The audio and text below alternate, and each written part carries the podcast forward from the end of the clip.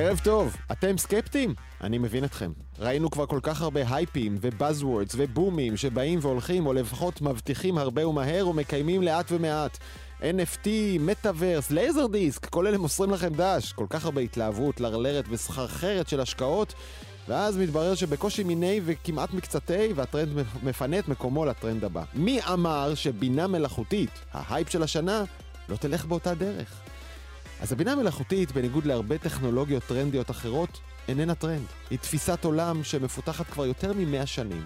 טכנולוגיה שמפותחת כבר יותר מ-50 שנה על ידי הרבה מדענים בהשקעה ניכרת של חברות וממשלות, וכבר יותר מעשור שכולנו משתמשים בה ממש יום-יום. זה מה שמפעיל את גוגל ואת פייסבוק ואת ווייז מתחת למכסה המנוע. אז בינה מלאכותית היא לא תחזית, היא טכנולוגיה שכבר עובדת. ולמעשה האנושות חיה עם מעלותיה וחסרונותיה כבר שנים רבות. במקביל, מה שקרה בשנה האחרונה היא קפיצה טכנולוגית ביכולות, שינוי בתפיסה ממש ובמוצר עצמו שאפשר להמונים, לכולנו, לגעת בבינה המלאכותית, להשתמש בה ולהרגיש את כוחה. לראות מה צ'אט יודע לעשות בשפה שכולנו מבינים, ליצור ציורים וסרטים ומצגות וכל זה. העניין העולמי הוביל להשקעות רבות ולהשקה של שירותים רבים גם אם חצי אפויים, עוד לא מוכנים לגמרי. אז כן, יש הייפ, אבל הוא לא רק חלול ונפוח, הוא יושב כבר על אדנים רחבים ויציבים של טכנולוגיה, של ערך כלכלי ושל ניסיון ארוך שנים. ויהיו עוד הרבה כישלונות, ואוויר חם עוד יצא מכל מיני פינות, ולנו אין ברירה אלא להחזיק את החבל בשני קצותיו, גם להתלהב מבינה מלאכותית, ללמוד אותה ולרתום אותה לצרכינו, וגם לחשוש משגיאותיה ומנזקיה בטווח הקצר והארוך, ולהתכונן ככל האפשר לכל האופציות. דבר אחד אני לא מאמין שיכול לקרות, הבינה המלאכותית לא פשוט תיעלם מסדר היום, כמו שכבר קרה לטכנולוגיות אחרות. העתיד עכשיו, שנת הלימודים נפתחת בעוד כמה שעות, ננסה להבין מה הולך לקרות עם בינה מלאכותית בבתי הספר, נדבר על העזרה שבינה מלאכותית תושיט לעסקים ולמעסיקים, ומה זה אומר עלינו כעובדים וכצרכנים. רמז? לא דברים טובים.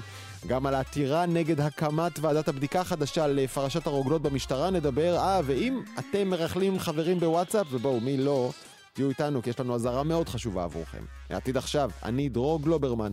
מתחילים. עתיד עכשיו, האם משטרת ישראל וגופי אכיפת החוק עושים שימוש לא חוקי בתוכנות ריגול, חודרים לטלפונים אישיים ושואבים מהם מידע בלי אישור של המחוקק או של בית המשפט? אם חשבתם שהשאלה הישנה הזו כבר נענתה, בכל זאת הייתה ועדת בדיקה, ועדת מררי, מסתבר שהיא ממש לא ירדה מהשולחן, והנסיבות מעוררות מחלוקת בלשון המעטה. איתנו שניים, עורך דין נוגה רובינשטיין ממשרד KRB וממחאת הגלימות השחורות. ערב טוב לך. ערב טוב. ורונן ברגמן, עיתונאי ניו יורק טיימס וידיעות אחרונות, ערב טוב גם לך, ונתחיל איתך, רונן. עבור אה, רבים שאני מניח מבולבלים מעומס הפרטים בפרשה המתמשכת הזו, האם נוכל לסכם לאן הגענו? מה אנחנו יודעים? הגענו, אני חושב, למשהו שהיה צריך לסיים את הפרשה. גם עבור הציבור וגם עבור המשטרה, אה, וזה אולי הדבר החשוב. כשהפרסומים הללו הופיעו לראשונה בכלכלית לפני יותר משנה וחצי והבהלה הציבורית הייתה גדולה, הורו למשטרה להפסיק ולהשתמש בכלים האלה. עכשיו אני רוצה רגע להסביר שאולי זה דבר מרכזי. למה בכלל צריך אותם? למה משתמשים? למה הדברים שהם כל כך אינטרוסיב בכלל uh, מוכנים לשלם עליהם גם הרבה כסף וגם uh, להשתמש בהם נגד uh, אזרחים. כן, רגע, שווה אולי להזכיר, שווה להזכיר רונן, מיד אתה תסביר למה חייבים את זה, אבל מי שרואה תוכנה כזו פועלת, אתה ראית, אני ראיתי, מי שיושב מן הצד השני פשוט חודר לך לטלפון ורואה הכל. תכתובות, תמונות, יומן, וואטסאפים, כל מה שעשית, וגם יכול להפעיל את הטלפון להאזין לך. סופר סופר חודרני, למה צריך את זה באמת? ולמה אי אפשר להסתפק בהאזנת סתר רגילה? הרי המשטרה, השב"כ, גורמי מודיעין, גורמי אכיפה בכל העולם משתמשים בהאזנת סתר מזה הרבה מאוד שנים. הסיבה היא האפליקציות. האפליקציות וההגנה על הטלפונים. כשאדם מדבר עם אדם אחר דרך, נגיד, אנחנו עכשיו מדברים דרך מרכזייה, לא מרכזיית גלי צה"ל, דרך מרכזיית הטלפונים, אז אפשר לקחת צו של בית משפט ללכת לפרוביידר, בין אם זה חברת הסלולר או המרכזייה, הבזק נגיד, ולהגיד, תנו לנו גישה, אנחנו רוצים להקשיב לשיחה בין דרור לרונן, או לקווים האלה. Mm-hmm. כל זה טוב ויפה, עד שהופיעו האפליקציות, כי האפליקציות האלה, גם אם אתה יושב על התווך שבין, אני אגיד עוד דבר, גם אם אתה הולך עם צו של בית משפט אמריקאי לחברת וואטסאפ, לספינת האם בקליפורניה, וגם אם הם מסייעים לך, עדיין אתה רק תקבל איזשהו קובץ מוצפן, אתה לא תוכל לגעת באמת בתקשורת, לקבל אותה לא מוצפנת. אה, והאפליקציות האלה, והוראה של הנשיא אובמה ב-2015 בעקבות פרשת סנודן לביגטק האמריקאיות, לעלות ל military grade end user encryption, זאת אומרת שהמכשיר עצמו יוצפן בהצפנה צבאית, הפכה את כל גורמי האכיפה, שמירת החוק, המשטרה והמודיעין, לעיוורים ולחרשים. וכשאתה לא יכול לקרוא את התקשורת שבין הפושעים, פדופילים, סוחרי סמים, מבריחי אה, אנשים ונשק, טרוריסטים, שאתה לא יכול לקרוא את התווך, אתה פשוט עיוור וחירש. למה שאנחנו רואים היום במגזר הערבי אה, נובעות מה, מהדבר הזה. כן. מה הבעיה בנשק הרב העוצמה הזה, שכמו שהוא אה, אי אפשר בלעדיו באכיפה ובמניעה של פשיעה, הוא גם הנשק האפקטיבי ביותר של שלטונות אוטוריטריים נגד חברה אזרחית של מדינה, של כל מדינה.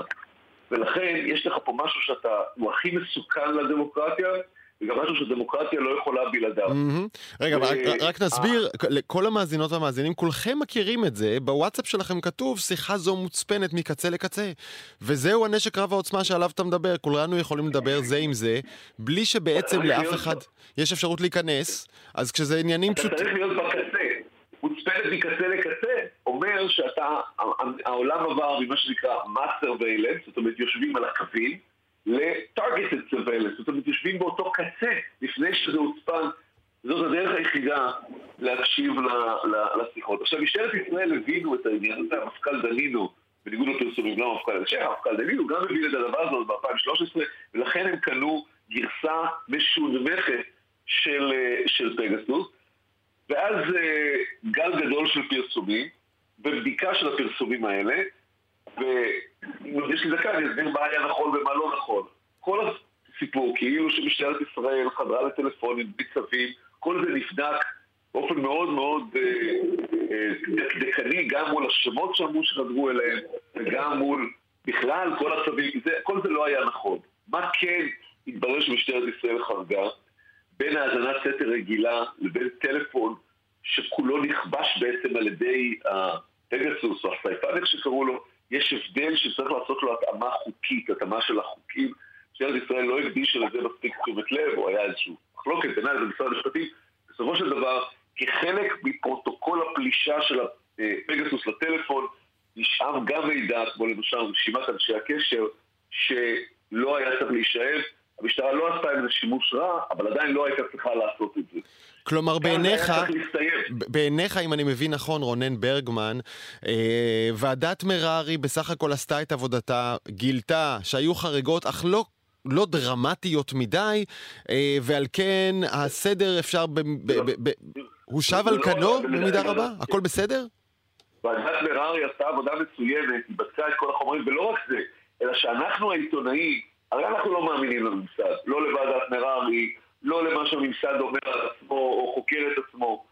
כשאנחנו באנו לבדוק, אמרנו, האם יש לנו הוכחה למשהו אחר? יש לנו הוכחה לטלפון אחד שבו, אה, שחדרו אליו עם סייפן או עם פגסוס בלי צו, או טלפון אחד שקיבלו איזשהו סוג של חומר ועשו בו שימוש מזיד, לרעה, והתכוונו להוציא ממנו טלפון, התשובה היא נאדה, כלום. אין לנו שום דבר מכל הדבר הזה, mm-hmm.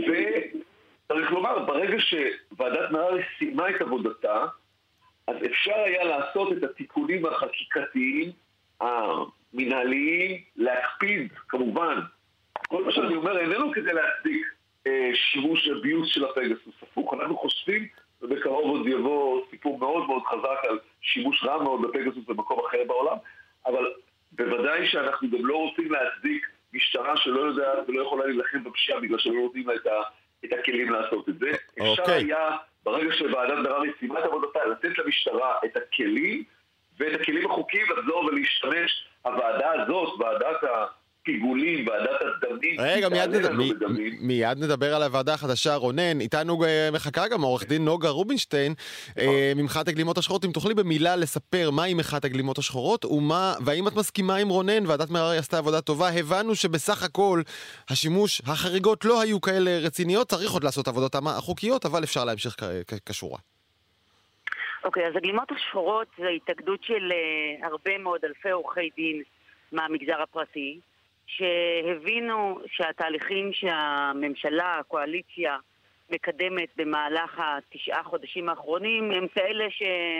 אה, צפויים לשבש את החיים של כולנו ולהוביל אותנו להיות מדינה פחות דמוקרטית. בקיצור, אתם אה, ו... מוחים, מוחים מן הצד הליברלי, נאמר כך.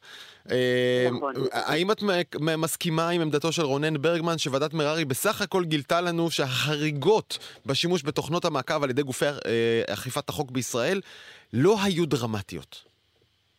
אוקיי, אני מסכימה עם הדברים שאמר רונן, אני אומר עוד משהו. שתמיד עולם המשפט צריך להתאים את עצמו לעולם הטכנולוגיה. הטכנולוגיה מתקדמת יותר אה, ממה שהספר החוקים יכול לחוקק, ממה שהכנסת, הפרלמנט ומדינות אחרות אה, יכול, יכולים... אה, יכולים לחוקק, ולכן תמיד צריכה להיות איזושהי התאמה ודאי. בין עולם המשפט לבין ההתקדמות של הטכנולוגיה. עכשיו, מה שעשתה ועדת מררי זה לשקף את מצב הדברים ולהמליץ המלצות איך הדברים אמורים להיות. ולכן, מה שהממשלה הייתה אמורה לעשות זה לקדם את ההמלצות, ליישם אותן ולתת למשטרה את כל הכלים שהיא צריכה על מנת שדם לא יישפך ברחובות. ומה, ומה קיבלנו כעת? ועדה חדשה שאמורה לחקור את ה... אותו דבר בעצם שחקרה ועדת מררי מחדש? אוקיי, okay. בעצם מה, שהוועד, מה שהממשלה החליטה, להקים ועדת חקירה, ועדת בדיקה ממשלתית, עם סמכויות של ועדת חקירה ממלכתית, שמבקשת לבדוק כאילו את אותו דבר, על מנת uh, ליתן את ההמלצות שלו, אבל למעשה הוועדה הוקמה בכוונת מכוון. ומה הכוונה? שניכרת מהאופן שבו הוועדה מונתה ומהסמכויות שלה.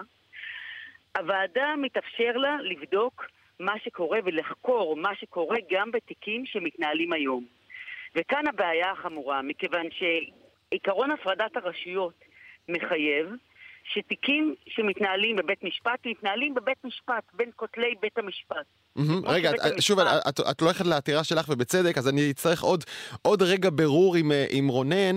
מה טוען בעצם שר המשפטים יריב לוין כשהוא אומר צריך עוד ועדה, מררי לא עשתה את העבודה? אבל ברגע שהוועדה הזאת, כמו שאמרה עורכת דין אובינשטיין, גם מכוונת לתיקים, מה שאסור לעשות בוועדות חקירה, ולא אסור פעם בוועדות חקירה, או ועדות בדיקה מכל סוג שהוא, גם מכוונת לגעת בתיקים פעילים.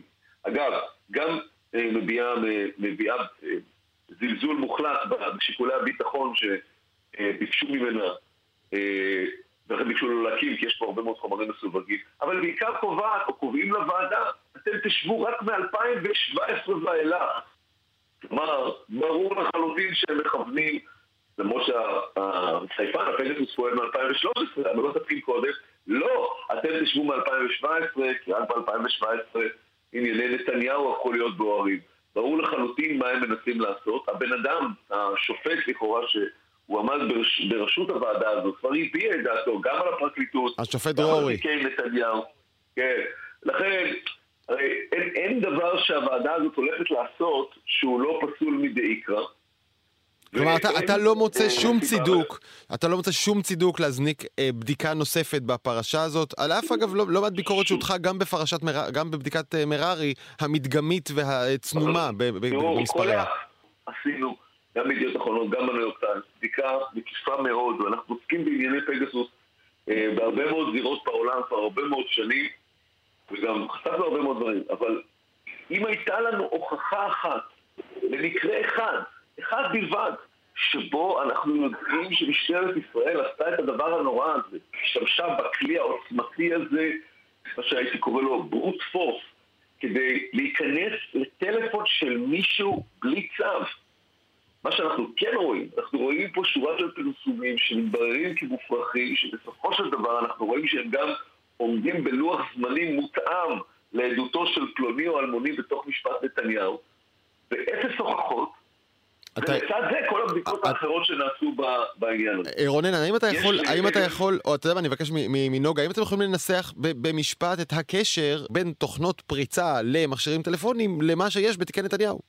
אוקיי, האמת שאין הרבה קשר, אין קשר, אבל מכיוון שהניסיון שנעשה במהלך השנים האחרונות הוא אה, להכביד על ההליך המשפטי, לעכב את ההליך המשפטי של אה, נתניהו, אה, מכיוון שאחד השימושים שנעשו אה, בתוכנת אה, פגסוס במהלך השנים ביחס לאחד העדים, ביחס לפילבר, הוא שימוש בתוכנה באופן שהוא ככל הנראה רחב יותר מהצו הספציפי שניתן.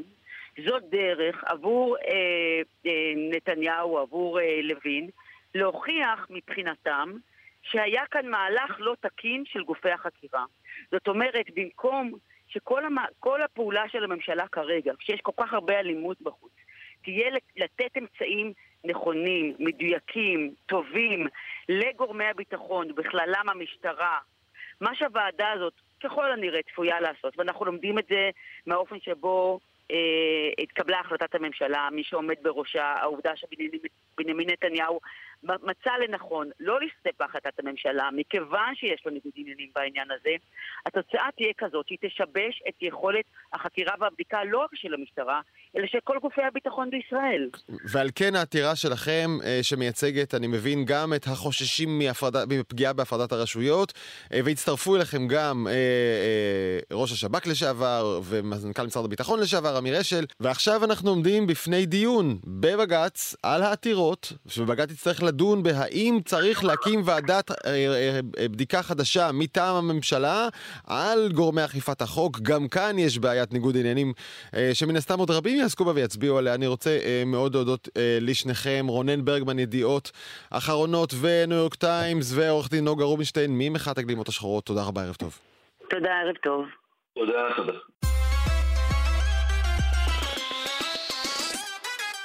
העתיד עכשיו, אז אחרי שהתלהבנו מקסמי הבינה המלאכותית אצלנו בידיים, הם קופצים מדרגה כדי לשרת ארגונים גדולים וחברות עסקיות. שלום שי רינגל מטק 12. אהלן. אנחנו מדברים על אה, לא מעט מוצרים שעושים אה, סוויץ' ועוברים לזירה של הילדים הגדולים, אה? כן, שם יש הרבה מאוד כסף. כמו למשל, בוא נדבר על אה, ChatGPT for business. זה, כן, ChatGPT בעצם הציגה מוצר חדש שנקרא Enterprise. אחת הבעיות הכי גדולות ברגע זה ל-ChatGPT, הרבה חברות אוסרות על העובדים שלהם להשתמש בשירות. והסיבה היא די פשוטה, כשאתה משתמש ב-ChatGPT אתה בעצם חותם חוזה מול OpenAI, שכל דבר שאתה מכניס לתוכנה, כל דבר שאתה כותב שם כבר לא שייך לך, זה שייך ל-OpenAI. ואם אני רוצה. לחלוק את הסודות העסקיים הכי חשובים שלי, לי לבקש עצה למי למכור, בכמה למכור, איזה מוצר למכור, אה, תיקים רפואיים, כל מיני דברים כאלה, כל מה שיש עליו סודיות, סודיות עסקית או רפואית, אין מצב להשתמש עד כה ב-chat GPT, ומעכשיו מה? עכשיו בעצם chat GPT יאפשרו למקומות עבודה לשלם להם אחלה כסף, בתמורה הם יקבלו מוצר חדש, מוצר חוצפן. אני יכול לתאר את זה באופן מאוד מאוד אה, גולמי, כמו בואו תכניסו מוח על לתוך העסק שלכם ותשאלו אותו מה שאתם רוצים, על העסקים שלכם, על העובדים שלכם, על אה, אה, איך לייעל כל מיני מערכים, את מי אפשר לפטר, איך להוריד שכר כדי לקצץ בהוצאות וכל מיני שאלות כאלה. אה, אתה יכול לתת איזה דוגמה קונקרטית? תחשוב על מתכנתים שעובדים עם קוד. עד עכשיו הם לא היו יכולים לשתף את ChatGPT בקוד. אם הם היו משתפים את ChatGPT, הקוד הזה שהוא מה שנקרא IP, הוא בעצם הרכוש של החברה, עבר ל-OpenAI. Mm-hmm. עכשיו מתכנתים יוכלו לשבת ולהכניס את הקודים האלה אה, ולעשות אה, שימוש ב-ChatGPT בשביל למצוא תוך שניות איזשהו באג שעד עכשיו לקח להם המון זמן. אחד הכלים ש-ChatGPT הולכת להציע לעסקים הוא ממש, בואו תעלו קבצי דאטה לתוך השירות, אנחנו נותנים לכם שירות שנקרא data analyst, ואנחנו נכתוב לכם מסקנות. עכשיו יש הרבה מאוד אנשים והרבה מאוד חברות סטארט-אפ שזה בדיוק המקצוע שלהם.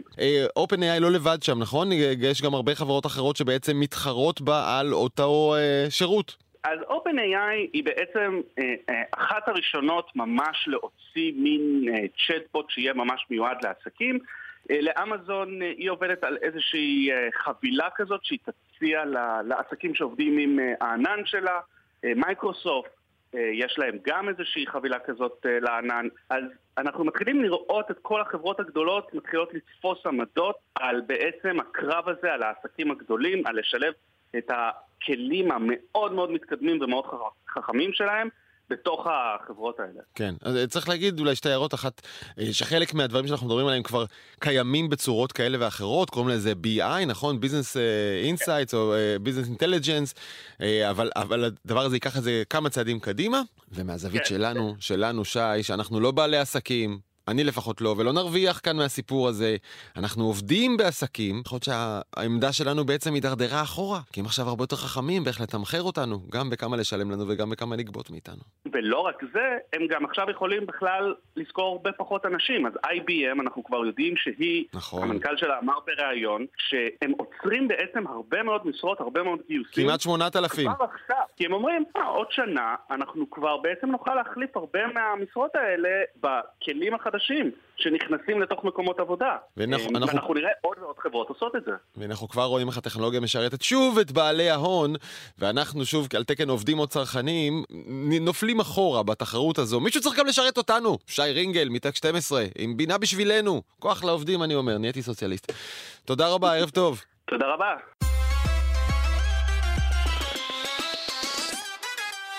עתיד עכשיו, עכשיו לענייני חינוך, אה, נפתחת מחר שנת הלימודים החדשה, ובעוד כולנו מסתכלים על היכולת של המורים להתאים את עצמם לטכנולוגיות המשתנות, כמובן בינה מלאכותית עכשיו על המוקד, והיא לא נכנסת רק לטכנולוגיה, אלא לכל צורת הלימודים של כל המקצועות. אתה מסכים לזה, דוקטור אמיר גפן, חוקר יישומי בינה מלאכותית, באגף המחקר והפיתוח של משרד החינוך? מסכים, אה, היי דרור, ושלום למאזינים. אז האם יש לנו סיכוי בכלל במערכת החינוך הישראלית שלנו, שסובלת מכל כך הרבה קשיים וחולאים, ומחסור בכוח אדם, ובעיות העסקה והתרעננות, האם יש סיכוי לשנות את הדרך שבה מלמדים בכלל, בכל בתי הספר, בכל המקצועות? זה לא קרב אבוד? ברור שכן. ברור שכן. אה, אתגרים אה, יש והם רבים, אני לא, לא אתעלם מהם, אבל ברור שכן. כי אין... אין פה דרך אחרת, זה לא עניין לבחירתנו אם אנחנו אוהבים את הבינה, לא אוהבים אותה, רוצים אה, להסתגל אליה, היא פה, היא כאן, אה, בבתי הספר, אצל המורים, אצל התלמידים. אין לנו, זאת אומרת, אה, השינוי הזה הוא שיבוש שמגיע מלמטה, לא אנחנו יצרנו אותו. אבל אנחנו נתאים את עצמנו אליו. אז בואו נגיד ניתן דוגמה כזאת פשוטה, ככה אתה יודע, מהשרוול, למי שלא משוכנע למה צריך בינה מלאכותית בלימודי ספרות למשל. איך אפשר להשתמש בה? אבל, כן, תכף אני אגיד לימודי ספרות, אבל שים רגע את לימודי הספרות בצד. בסופו של יום התלמידים שלנו, ב- ב- בסוף י"ב, בוגרים את מערכת החינוך. עולם העבודה מצפה מהם להיות אוריינים בבינה מלאכותית ובבינה מלאכותית יוצרת. ככה שקודם כל, כאנשי חינוך, שאנחנו מכינים אותם מעבר ללמידה שקורית כרגע בבית ספר, גם לחיים הבוגרים שלהם, אז קודם כל השאלה הזאת כבר הוכרעה. אנחנו חייבים להכין אותם לעולם הזה. עכשיו, נחזור רגע לבית ספר, ובעצם גם בתוך שיעורי הספרות, בדיוק כמו שיקרה איתם בהמשך אה, הפעילות שלהם, הבינה המלאכותית נמצאת, ואנחנו נלמד אותם איך לעבוד איתה בצורה טובה, ככה שלא רק לא תפגע בלמידה שלהם, אלא תשפר אותם. אנחנו לא מחפשים בבינה לא, אבל בוא, בוא, בוא, נהיה, בוא נהיה הכי, אתה יודע, הכי פשוטים או. ובגובה העיניים, איך משתמשים, במה זה יכול להועיל. תן סתם דוגמה. בכל מקצוע לבחירתך. אתן דוגמה. היות והבינה המלאכותית היא תיכנס לכל תהליכי החינוך, של הוראה, של למידה, של הערכה. בואו נתחיל מהוראה. אני יכול כמורה לספרות להיעזר בבינה המלאכותית, לייצר מערכי שיעור, לייצר תכנים, לייצר משחקי תפקידים, לעשות השוואה. אני יכול מאוד לשדרג את חומרי ההוראה שלי באמצעות הבינה המלאכותית היוצרת. כלומר, נגיד, אה, אחד ה... אני לא יודע אם העונש הזה עדיין קיים, החטא ועונשו, עוד צריך לקרוא את זה בבית ספר? לגמרי, בעל פה אני אה, מכיר. יפה, אז אה, אם אה, הדמות עם הספר כבר, אתם יודעים, העלה עובש בעיניכם, אתם יכולים להגיד לבינה מלאכותית, את עכשיו רסקולניקוב, את גיבור הסיפור. ואני רוצה לדבר איתך ולשאול אותך שאלות. אה, נכון, הבינה יכולה להיכנס לנעליו, היא קראה את הספר, והיא מסוגלת להמשיך ולנהל את השיחה, והוא יסביר את עצמו ויצדיק את עצמו וכולי וכולי. לגמרי, ותחשוב איזה דברים נפלאים ויצירתיים, אוקיי? אנחנו חוששים מיצירתיות דווקא בדוגמה שלך. תחשוב שאנחנו יכולים לבקש מהבינה לקחת את רסקולניקוב אה, לתל אביב 2023, או לבאר שבע, לא משנה, אוקיי?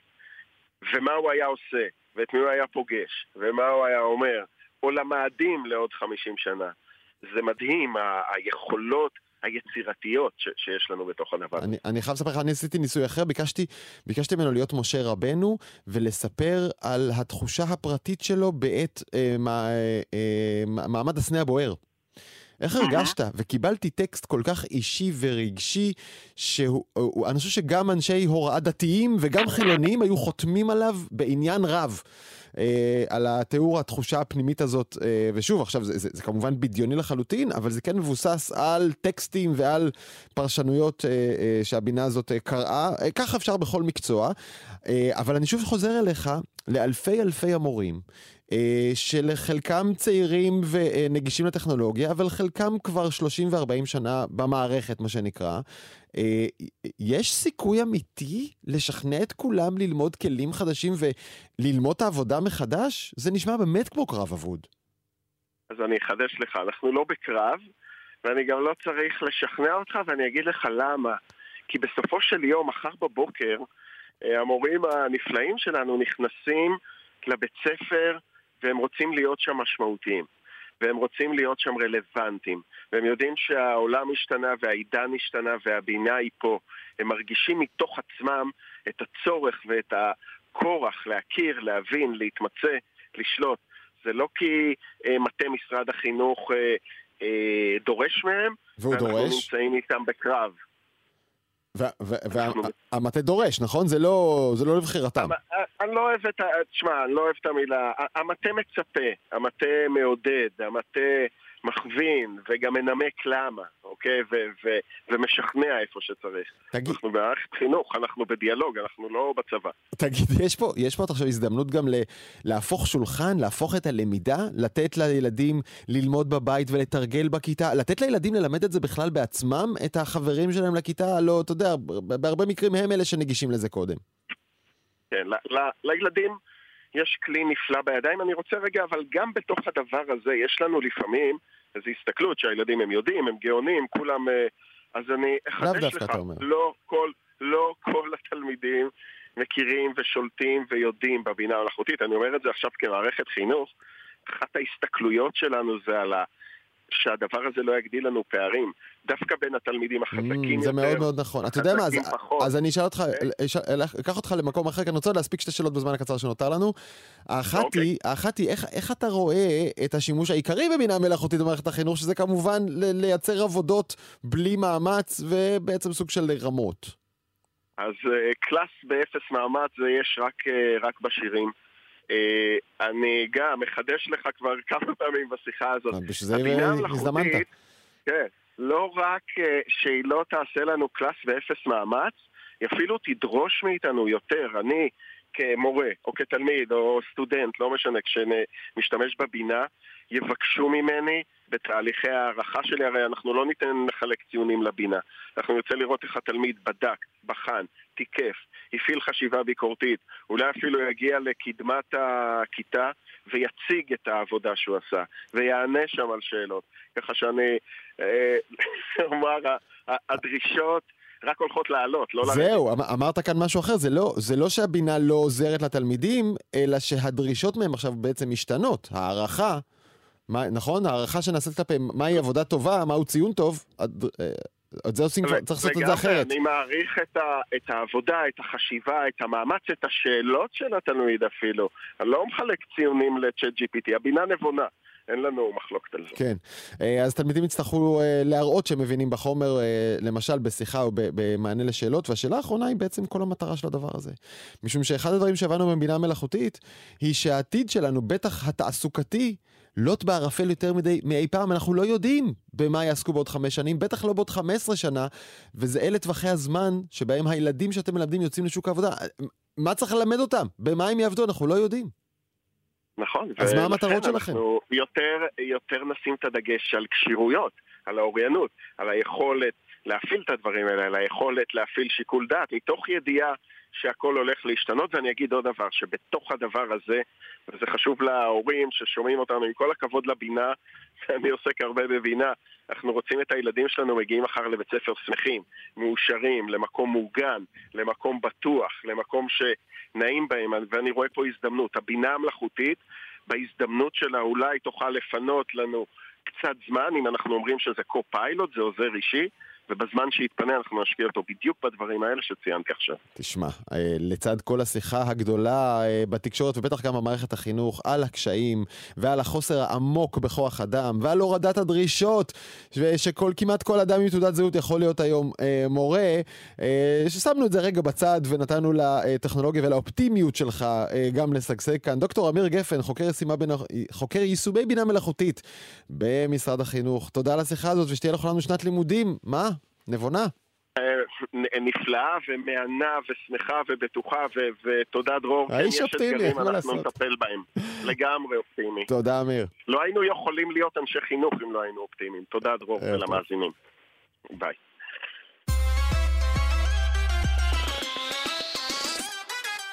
עתיד עכשיו, אנחנו פונים לגרמניה, שם מסתבר שהפרטיות שלנו בקבוצות וואטסאפ איננה מובטחת כלל ועיקר. איתנו שניים, ברק בטש, כתב חדשות החוץ של גלי צה"ל, ערב טוב. ערב טוב. ועורך דין חיים רביה, ראש קבוצת הסייבר והפרטיות במשרד פרל כהן, שלום חיים. שלום, ערב טוב. בטש, מה אומרים הגרמנים? באמת מדובר בפסק דין מאוד אה, תקדימי. אה, זה התכתבות מקבוצת וואטסאפ שלמעשה דלפה, הגיעה עד לבית המשפט הפדרלי לעבודה, שהוא קבע שמדובר באמירות בעייתיות. עכשיו, אנחנו מדברים בסופו של דבר על התכתבות בקבוצת וואטסאפ, יש פה איזה עניין של... מה אמרו? מה אמרו? Uh, תראה, בסופו של דבר הודלפו פה מסמך מאוד מאוד ארוך של הודעות, 316 עמודים. יש שם כל מיני באמת אמירות די בעייתיות, אפשר לומר טיפה גזעניות, שנכתבו באמת על uh, בוסים של uh, כמה עובדים בחברת תעופה בגרמניה. מדברים על אמירות כמו המתת מכחישי קורונה בגז, ככה הם אמרו על הבוסים. לתת לאנשים אגרוף בפרצוף, זאת אומרת, הם טוענים שהבוסים גם מכים. עכשיו, אנחנו באמת יוצאים פה מגבול הטעם הטוב ועוברים מאמירות שאתה עוד יכול לומר ככה מאחורי הגב של הבוס שלך, למרות שאם יש לך יחסים טובים איתו, עדיף שלא. צריך להגיד, הדברים שציטטת אה, נשמעים מזעזע. נכון. עם זאת, אנחנו מדברים על קבוצת עובדים. אנחנו מדברים על קבוצת עובדים אנשים שלצורך העניין יושבים במרפסת בערב על גרעינים ובירה, ווואלה, כולנו אומרים באותו רגע דברים שלא התכוונו שאף אחד יצטט בשום בית משפט. נכון, אה, ובאמת אותם עובדים שגם פוטרו, אה, הם עתרו לבית הדין לעבודה, הם אמרו... אמרו אה, שהחוק אמור להגן על סודיות של התכתבות אה, פרטית בקבוצות וואטסאפ. אה, ואומר להם בית המשפט הגרמני? ובית המשפט הגרמני, קודם כל הערכאה הנמוכה כן קיבלה את העתירה שלהם, אבל uh, בית המשפט העליון בעצם סוג של הפך את הפסיקה המקורית, אמר להם, זה, זה באמת תלוי באופי ההודעות. זאת אומרת, אתם כותבים הודעות שעוד נשמרות בגבול הטעם הטוב, נגן עליכם, אבל uh, להגיע לרמה של הוצאות דיבה, זה כבר, אתה יודע, זה קשה יותר להגן. עורך הדין חיים רביה, האם אתה מקבל ששיחה שנערכת בתוך קבוצת וואטסאפ כבר לא נהנית? נהנית מפרטיות ומהיכולת לומר כל שטות שעולה על דעתך? היא מעולם לא נהנתה מזה. זו אשליה. אה, מהבחינה הזאת פסק הדין הגרמני, שאגב לא קראתי אותו, בין השאר כי הגרמנית שלי מאוד חלודה אם אי פעם הייתה, הוא לא חידוש אה, מסעיר. אמנם דברים שנאמרים בין בני אדם בכתב הם זכאים להגנה מסוימת מכוח דיני אה, הגנת הפרטיות גם בישראל. אבל ההגנה היא אף פעם לא מוחלטת, ויש uh, ערכים שעומדים uh, מול זה. זה אומר שיש לא הבדל... לא בטוח, אני בכלל לא בטוח שבישראל פסק הדין היה שונה. אז יש הבדל, uh, עורך דין רביה, בין ההתבטאות או היכולת שלי לומר כל שטות שעולה על דעתי בשיחה פרטית רק אני ואתה, וברגע שקופץ פנימה אדם שלישי והפכנו לקבוצה, זה כבר גבולות אחרים? לא, ההבדל העיקרי הוא שבשיחה הדברים לא מתועדים. והמשפט מכיר בזה שיש דברים שנאמרים... אה, אתה מתכוון, אתה מתכוון ההבדל בין שיחה בעל פה ובין שיחה כתובה. נכון, mm-hmm. בדיוק. בשיחה הכתובה, אתה יודע, זה החלום המתוק של אה, עורכי הדין. הדברים קיימים בכתב, זו הוכחה אה, מוחצת, ומבחינה זאת לא צריך אה, לחקור עדים ולהיוודע מי אמר מה בדיוק, וכל הרשומון הזה שבגרסאות אה, סותרות. דברים על הכתב הם דברים מעולים.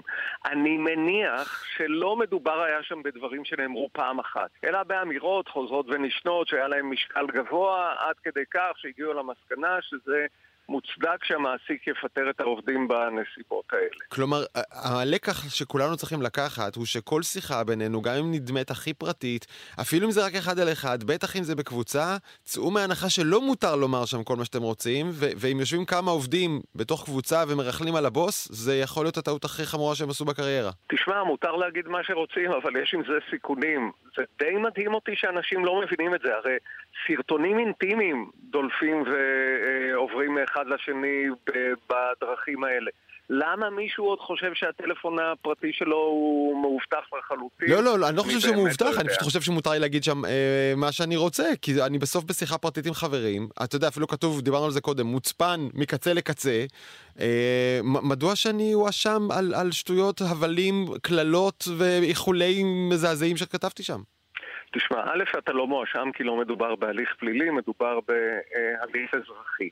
וב', אתה יודע שלשון הרע במשפט הישראלי, מספיק שפרסמת אותו לאדם אחד ויחיד.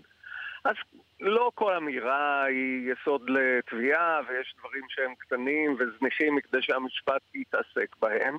אבל אם נאמרות אמירות אה, חמורות וחריפות, גזעניות, מסיתות לאלימות, אה, חוזרות ונשנות, אז כן, אתה בהחלט עלול למצוא את עצמך במצב שבו אם הדברים דלפו, יהיה לך לא טוב. בקיצור, אה, אתה אומר שווה לכולנו, גם אלה שאינם גרים בגרמניה, אלא כאן בישראל, לקחת את הפסק דין הגרמני הזה לחיים שלנו כלקח.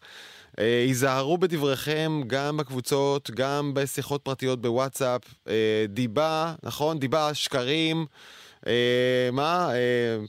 הזמנה לאלימות, גזענות, כל אלה עלולים לחזור לכם כבומרנג. לגמרי, ואתה יודע מה?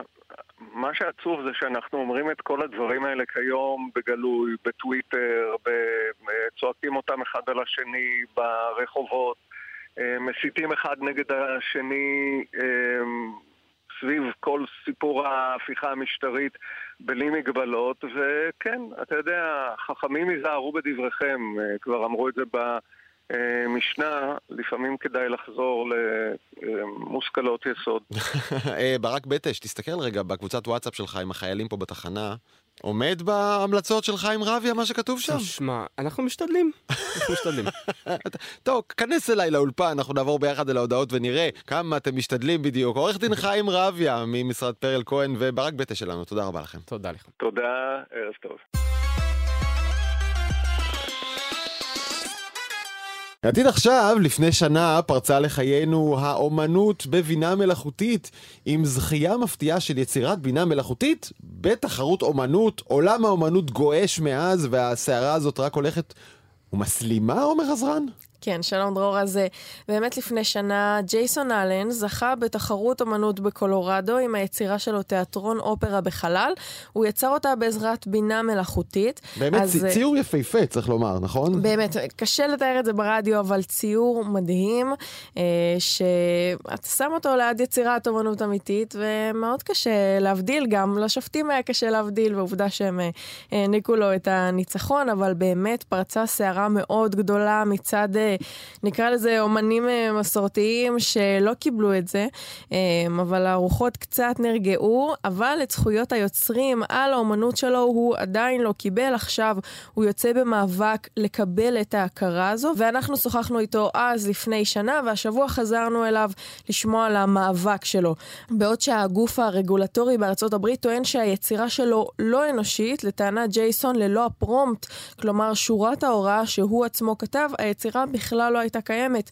הנה מה שהוא אמר. No one can tell you how to make your art. How was it made without human authorship? It's impossible. It, by definition, needs a human user to interact with it in order to create anything. The user created it. אף אחד לא יכול להגיד לך איך לעשות את האומנות שלך. המשרד לזכויות יוצרים יצא בהצהרות מבלי להוכיח ראייה או לקבוע הגדרה למצב הזה. זה בלתי אפשרי. יצירה שנוצרת מבינה מלאכותית חייבת שמשתמש אנושי יקיים איתה אינטראקציה, והמשתמש יצר אותה. אז הוא אומר שהוא לא מדבר על uh, סיטואציה בעתיד שבינה מלאכותית תוכל ליצור בעצמה איזושהי אומנות. זה לא יצרה בעצמה, זה הוא ישב מול המחשב. נכון. אגב, הוא ישב איזה 80 ומשהו שעות, ונכון, ותקתק מילים באנגלית, כלומר, את ההנחיה למכונה, עד שהוא קיבל את מה שהוא רוצה. כן. בינתיים, אגב, אומנם האומנות לא מת על זה, נכון? קצת יורדים עליו, מתנכלים לו. אז מאוד יורדים עליו, הרבה אמנים אה, התקשו לקבל את ההצלחה שלו, ועד היום הוא עדיין סובל מהתנכלויות, ובריאיון שקיימנו איתו עכשיו, הוא סיפר לנו שהדביקו מדבקה ליד יצירת האומנות שלו, בואו נשמע. In the art gallery, someone put a sticker, you want to discredit me and my work. First of all, I didn't say I was an artist. If this type of behavior is any indication of the values of the artistic community, then thank God I'm not an artist because I don't want to have anything to do with them. כן, אז בגלריה בה הצגתי, אמנים שמו מדבקה על היצירה שלי בניסיון להכפיש אותי, ואם זו ההתנהגות של הקהילה האומנותית, אז אני לא אמן ולא רוצה שום קשר איתם. זאת אומרת שהם באמת, אה, אה, מבחינתו הוא קיבל אה, זלזול, והם ממש הדבקו סטיקר עם סוג של אה, בדיחה על האומנות שלו. שאומרת שהוא... מה הבדיחה? הבדיחה אומרת, אה, אני רוצה להיות אמן, אני אקליד כמה מילים במחשב אה, ותצא יצירת אומנות. אה, אז הוא נלחם עכשיו על ההכרה, נכון? ההכרה שהיצירה הזו היא אכן שלו, על אף... על אף שמי שממש צייר זה בינה מלאכותית בהנחייתו. איפה נמצא המאבק הזה? נכון, אז הוא מאמין שעמדת בית המשפט אה, תשתנה, מה שנקרא, כשהתאגידים רבי העוצמה ייכנסו. כרגע זה עוד לא הגיע לבית המשפט, אבל הוא אומר, כשתגיע איזושהי חברה גדולה, אז נראה את בית המשפט לא נותן לה את הזכויות יוצרים. We're ready, able, and prepared to go all the way to the Supreme Court. I think we're going to win. If it's not done by me, it's going to be done by a very big corporation. The moment that Disney generates an AI generated Marvel movie, they're going to want to copyright that work. אנחנו מוכנים ללכת עם זה עד לבית המשפט העליון, ואנחנו גם ננצח, ואם לא אנחנו, זה ייעשה על ידי תאגיד גדול.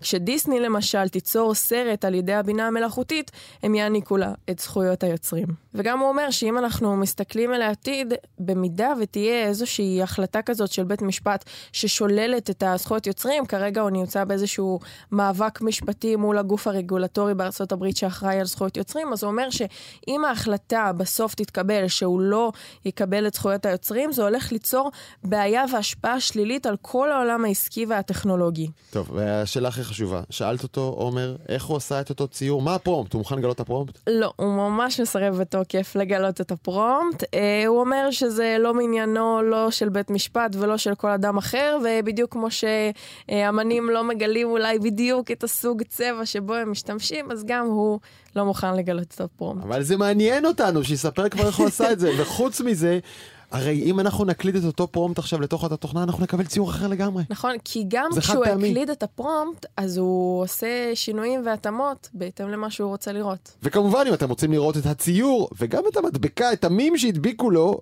אנחנו נשים את זה באינסטגרם שלנו, כל אחד בשלו. כן. עומר עזרן ודור גלוברמן מוזמנים לצפות וליהנות. תודה רבה, עומר. תודה רבה. היינו העתיד, פינת הסביבה. עכשיו פינת הסביבה של העתיד עכשיו. אביב לביא, מגיש שיהיה בסדר בגלי צה"ל, באת לחגוג כאן עוד ניצחון סביבתי מפואר? מה זה עוד? תזכיר לי את הקודמים. אני רוצה שנרגיש בתוך גל חיובי. נרגיש בתוך גיא חיובי. למה גיא חיובי? כי אנחנו... אני רוצה לספר לך סיפור שבמרכזו עומד חקלאי בשם גיא רילוב. מי שמכיר את העולם של החקלאות האורגנית בישראל, אחד החקלאים הבולטים בתחום, יש לו אה, חווה, מקום שאתה מסתובב בו, אתה לרגע לא יכול להאמין שאתה באיזה חווה באוסטרליה או באי שם בארצות הברית הגדולה ולא בישראל החנוכה והקומפקטית. וכשאתה אומר שהוא חקלאי סיפור... אורגני, זה אומר שהוא מה? כן. מגדל ללא חומרי הדברה כימיקליים? בדיוק, ללא חומרי הדברה אה, וללא דשנים כימיים, אכן. עכשיו, מה הסיפור? בלב החווה יש באר, באר עתיקה שממנה...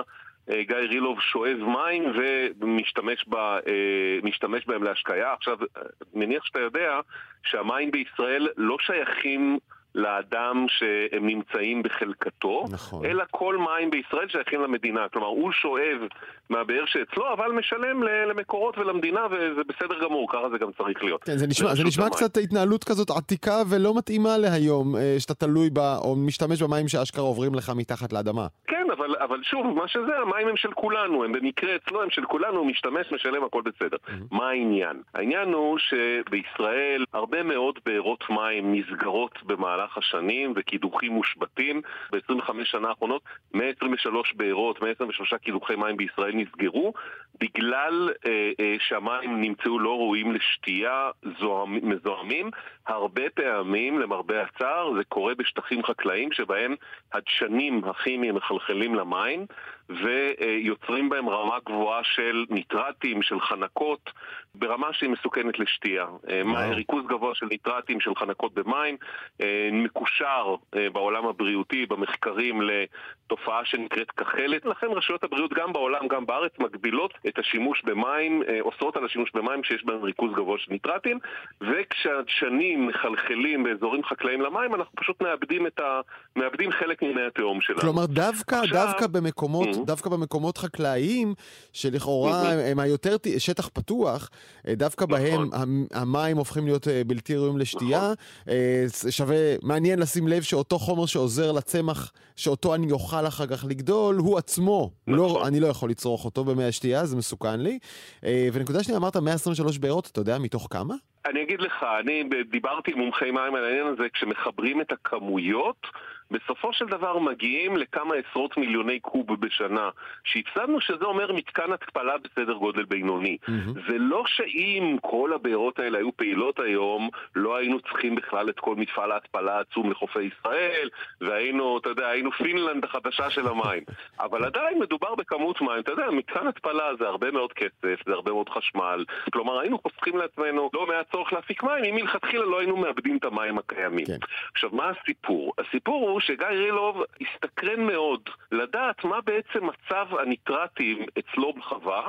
הוא מזה 30 שנה, הוא עובד מזה 30 שנה בשיטות אורגניות. הוא היה פעם חקלאי רגיל, ריסס, הגיע לבית חולים עם הרעלה של חומרי הדברה, הרופאים אמרו לו, הוא היה עוד צעיר, אמרו לו, או שאתה תחזור אלינו שוב עם ההרעלות הבאות ואולי גם ייגרם אה, לך יותר מזה, או שתעזוב את החקלאות. הוא החליט לא ולא, החליט פשוט לעבור לחקלאות אחרת נטולת כימיקלים.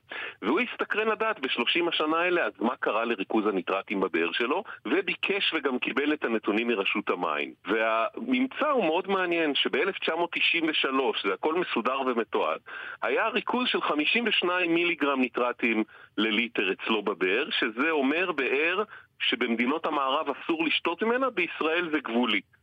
30 שנה אחרי זה הריכוז ירד בשני שליש, מ-52 ל-17 מיליגרם לליטר.